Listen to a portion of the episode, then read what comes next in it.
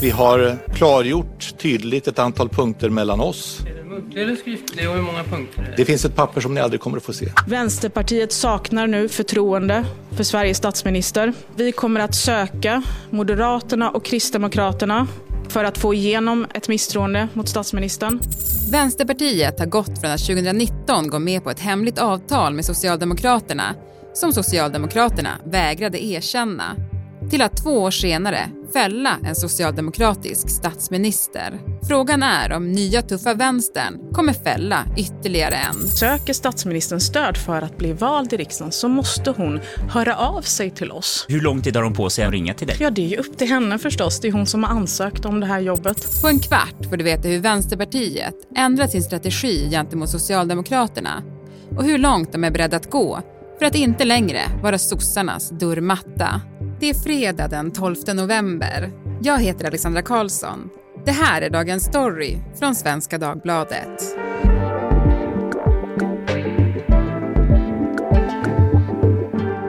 Karin Turfjell, politikreporter här på Svenska Dagbladet. Hur jobbiga är egentligen Vänsterpartiet för Socialdemokraterna just nu? Ja, just nu ser det ut som att Vänsterpartiet är det enda, men eh, relativt stora då hindret för att Socialdemokraterna ska få leverera Sveriges första kvinnliga statsminister i Magdalena Andersson. Och eh, det kändes ju lite som att sossarna underskattade vänsterns hot när det var regeringskris i somras. Hur ser man på det denna gång? Ja, Magdalena Andersson har låtit eh, mer öppen mot vänster än vad Stefan Löfven gjorde i somras. Hon har faktiskt sagt att hon kommer att eh, prata med Nooshi Dadgostar men hon försöker samtidigt ge bilden av att Vänsterpartiet inte har något val, att alternativet till att släppa fram henne är att Ulf Kristersson blir statsminister och med honom den mest högerkonservativa regeringen i modern tid, som hon brukar säga. Många socialdemokrater har också sagt att vänstern vill väl ändå inte vara den som stoppar Sveriges första kvinnliga statsminister. Magdalena Andersson har också sagt att vänstern borde rösta likadant som i somras när de släppte fram Stefan Löfven eftersom mandatfördelningen ser likadan ut. Men då svarar Nooshi Dadgostar att det är ju skillnad från i somras eftersom Liberalerna har lämnat och januariavtalet har fallit och att det borde innebära att vänstern får mer inflytande. Det här kan bli ett läge där något av partierna måste ändra position mot vad de hade tänkt sig. Hur det här än går så blir det ju nästan omöjligt att bilda en ja. regering.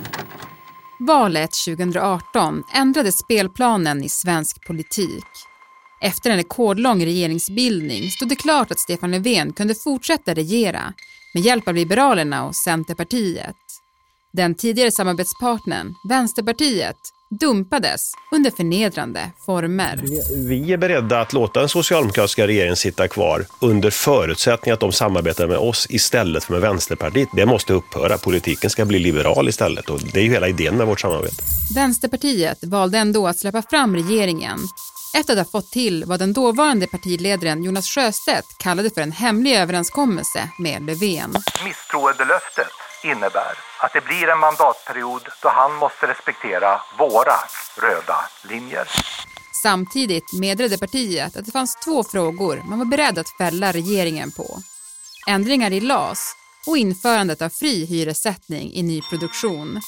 Att man faktiskt skulle fullfölja sina hot var det få bedömare som trodde. Är det här ett hot Stefan Löfven bör ta på allvar? Inte som det ser ut just nu. Jag tror att lösningen är att Vänsterpartiet kryper till korset. Därför att det är faktiskt omoget. Men så i juni meddelade Vänsterpartiets nya partiledare Nooshi Dadgostar att regeringen hade 48 timmar på sig att släppa frågan om fri hyressättning.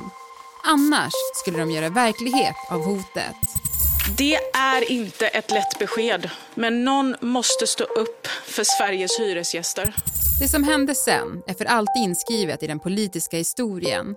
Jag konstaterar att kammaren har bifallit yrkandet om misstroendeförklaring mot statsministern. Statsministern avsattes av riksdagen, något som aldrig tidigare hänt i Sverige. Och Vänsterpartiet, som under decennier varit en trogen följeslagare till Socialdemokraterna, var de som gjorde det möjligt. Som vi har varit inne på redan så har ju Nooshi Dadgostar en betydligt tuffare och mer konfrontativ attityd än företrädaren Jonas Sjöstedt. Men förändringen är också större än så. Det är inte bara ett skifte mellan de två. Vänsterpartiet har länge kallats för Socialdemokraternas dörrmatta och röstboskap eh, och de har agerat lydigt stödparti och tagits för givet utan att få någon tillbaka. Och det här går långt tillbaka i historien. På 50 och 60-talen till exempel kunde Socialdemokraterna i praktiken räkna med stöd från eh, dåvarande VPK som nu är Vänsterpartiet. Då. Vänstern kunde vara väldigt kritiska till Socialdemokraterna men i slutändan så slöt de upp när det gällde och det här har ju liksom Socialdemokraterna över decennierna då blivit vana vid.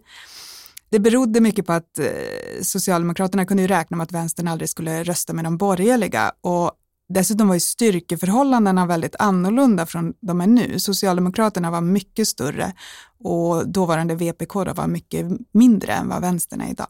Men det här då att man faktiskt fällde statsministern och regeringen i somras eh, och fick dem då att backa på att införa marknadshyror i nyproduktion. Vad skapade det för stämning inom Vänsterpartiet? Väldigt god stämning skulle jag tro, om jag får gissa. Inte minst med tanke på det jag just var inne på, att det bröt mot den här bilden av att vara dörrmatta till Socialdemokraterna. Och dessutom ökade både väljarstödet och eh, man fick en massa nya medlemmar och det kan ju inte vara tråkigt för ett parti. Nej, men är det samma känsla i partiet just nu? Det skulle jag gissa på. Det låter ju som en betydligt roligare självbild än, än att vara röstboskap. Regeringen och Centerpartiet kom tidigare under dagen överens om skogspolitiken och strandskyddet. Under onsdagen kom beskedet att regeringen och Centerpartiet var överens om ändringar i strandskyddet och äganderätten i skogen. Vilket var krav för att Centern skulle släppa fram Magdalena Andersson i en statsministeromröstning. Löfven lämnade in sin avskedsansökan till talmannen och leder nu en övergångsregering. Hur länge han kommer leda den beror nu bara på ett parti, Vänsterpartiet. Vi måste också tänka till. Jag förstår att alla partier vill öka sitt inflytande. Det är inget konstigt. Det är frågan är hur man gör det. Men det där får de avgöra. Nooshi Dadgostar har gjort klart att man inte kommer släppa fram Magdalena Andersson utan att få en sakpolitisk vinst i utbyte. Du har precis varit hos talmannen. Vad har du sagt till honom? Jag har sagt att Vänsterpartiets statsministerkandidat är Magdalena Andersson givet att vi har en uppgörelse innan dess. Vad exakt det ska vara har varierat. Men en fråga man återkommande nämnt är den så kallade LAS-utredningen och att den ska skjutas upp till efter valet. Det är en fråga som har splittrat fackförbunden och LO valde i december att inte stödja den uppgörelse som då slöts med Svenskt Näringsliv. Studio 1 i P1 är detta. Vi ska tala om en riktig kovändning som kom sent igår kväll. Det handlar om LO och det handlar om lagen om anställningsskydd. Men så under onsdagen kom beskedet att majoriteten av LO-förbunden nu, efter nya förhandlingar, var med på tåget. Man kan börja med att säga att den här tajmingen på LAS-beskedet, det verkar ju onekligen vara en signal från LO till Vänsterpartiet om att hålla tassarna borta och eh, LO-basen Susanna Gideonsson har uttryckligen i, i, en artikel i Svenska Dagbladet faktiskt bett Vänsterpartiet att hålla sig borta just. Hon vill inte ha någon politisk inblandning alls. Men redan innan den här LAS-uppgörelsen blev klar så började Nooshi Dadgostar vara mer vag i exakt vad det var hon ville ha en uppgörelse i. Hon nämnde arbetsrätten, men det är bland flera olika sakpolitiska frågor som det skulle kunna handla om. Till exempel pensionerna och sjukförsäkringen har hon också pratat om. Så det är ju mycket möjligt att hon nu byter sakpolitiskt spår och istället kommer försöka få till en, till exempel en karensdag eller höjda pensioner istället. Mm. Så vad är egentligen Vänsterpartiets plan nu då framåt? Jag tror att det långsiktiga här är kanske just att ta sig ur bilden av, av att vara en dörrmatta och röstboskap och eh, visa att vänsterns stöd inte är gratis. Vad jag har hört är att också att vi är inställda just på att få igenom sakpolitik på det här sättet och pressa fram det. Och när Vänsterpartiet släppte fram regeringen då efter den här rekordlånga regeringsbildningen efter valet 2018 så var det då ett klassiskt ögonblick när dåvarande vänsterledaren Jonas Sjöstedt sa att man slutit ett hemligt avtal med Löfven men att ingen skulle få se det.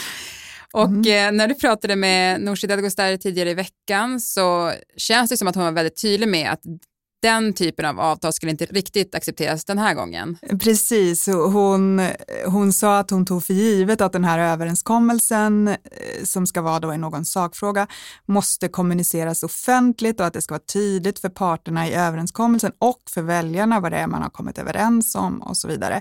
Och jag har faktiskt inte tänkt på det förut, men, men det kan ju vara just att hon inte vill hamna i den, den sitsen som Jonas Sjöstedt såg sig själv i. När det gäller Socialdemokraterna då, vad tänker de om Vänsterpartiets nya hållning? Ja, det verkar ju inte riktigt ha sjunkit in. De verkar ha varit liksom uppriktigt förvånade och, och arga över den här nya tuffa attityden, att det inte var en engångsförteelse i, i somras. Och det kanske är just för att eh, det måste ju vara skönt att ha en, en, en dörrmatta att, att räkna med i alla lägen. Så det, det är väl liksom en, svårt att vänja sig av med kanske. Och eh, som jag var inne på så har de ju använt argument som att eh, Vänsterpartiet vill väl inte rösta fram eh, Ulf Kristersson och, eh, eller släppa fram Ulf Kristersson och, och, vill väl bidra till att Sverige får en kvinnlig statsminister. Men det man kan säga emot är att, att vänstern kommer ju inte att, bara för att de inte släpper fram Magdalena Andersson kommer ju inte betyda att de släpper fram Ulf Kristersson istället. Så det de har att välja på är ju att smidigt lägga sig platt och gå med på att Magdalena Andersson blir, blir statsminister nu direkt utan att få något utbyte eller att det drar ut på tiden och att Stefan Löfvens övergångsregering kommer att eh, hålla i sig längre än Socialdemokraterna hade tänkt.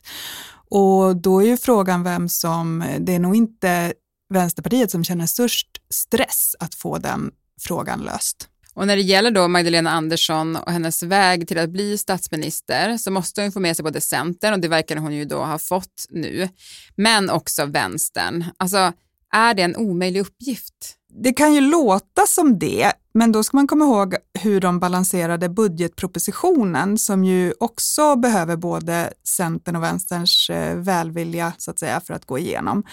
Då i somras så var ju ett av Centerpartiets krav att budgeten inte skulle förhandlas med Vänsterpartiet och eh, då löste vänstern det genom att istället lista sina krav i en debattartikel i DN och på sin eh, sajt. Och då fick regeringen helt enkelt förhålla sig till det. Så att eh, de har ju viss vana ändå att, eh, nu, nu, nu har inte den här budgeten eh, gått igenom ännu så det återstår ju att se. Men eh, de kan nog hitta sätt att eh, lösa det här. Men en annan sak jag tänker på det är om det finns någon risk att det slår tillbaka på Vänsterpartiet om de blir för tuffa. Jo, det, det, är klart att det finns ju en liten risk för dem att Ulf Kristersson blir statsminister. Om de inte släpper fram Magdalena Andersson och talmannen lägger fram Ulf Kristersson istället, då har ju inte han heller den majoritet som behövs. Men eftersom det, det som krävs är att man inte får en majoritet emot sig så räcker det ju med att en från den sidan missar omröstningen eller att någon vilde ställer till det eller att någon eh, centerpartist går mot eh, partilinjen för att han ska bli det ändå. En annan risk är ju att även om Vänsterpartiet kanske har minst tidspress är det klart att det inte är bra för dem heller om en övergångsregering drar ut allt för långt på tiden och, och man går in med i en valrörelse och, och så vidare. Men till sist då, hur kommer det sluta egentligen? Ja, men i slutändan så tror jag att det är Magdalena Andersson som kommer att bli statsminister. Men frågan är när och eh, till vilket pris, vilka uppgörelser hon måste göra. Eh, så att det blir en fortsatt intensiv och spännande politikhöst och vinter vad det verkar. Mm, ni kommer ha en del att göra. Ja, det tror jag. Tack Karin Turfjell för att du var med i Dagens Story. Tack så mycket. Programmet idag producerades av Daniel Sävström. Redaktör var Teresa Stenler från Matern.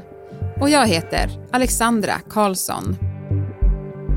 Vill du kontakta oss så mejla till dagensstory.svd.se.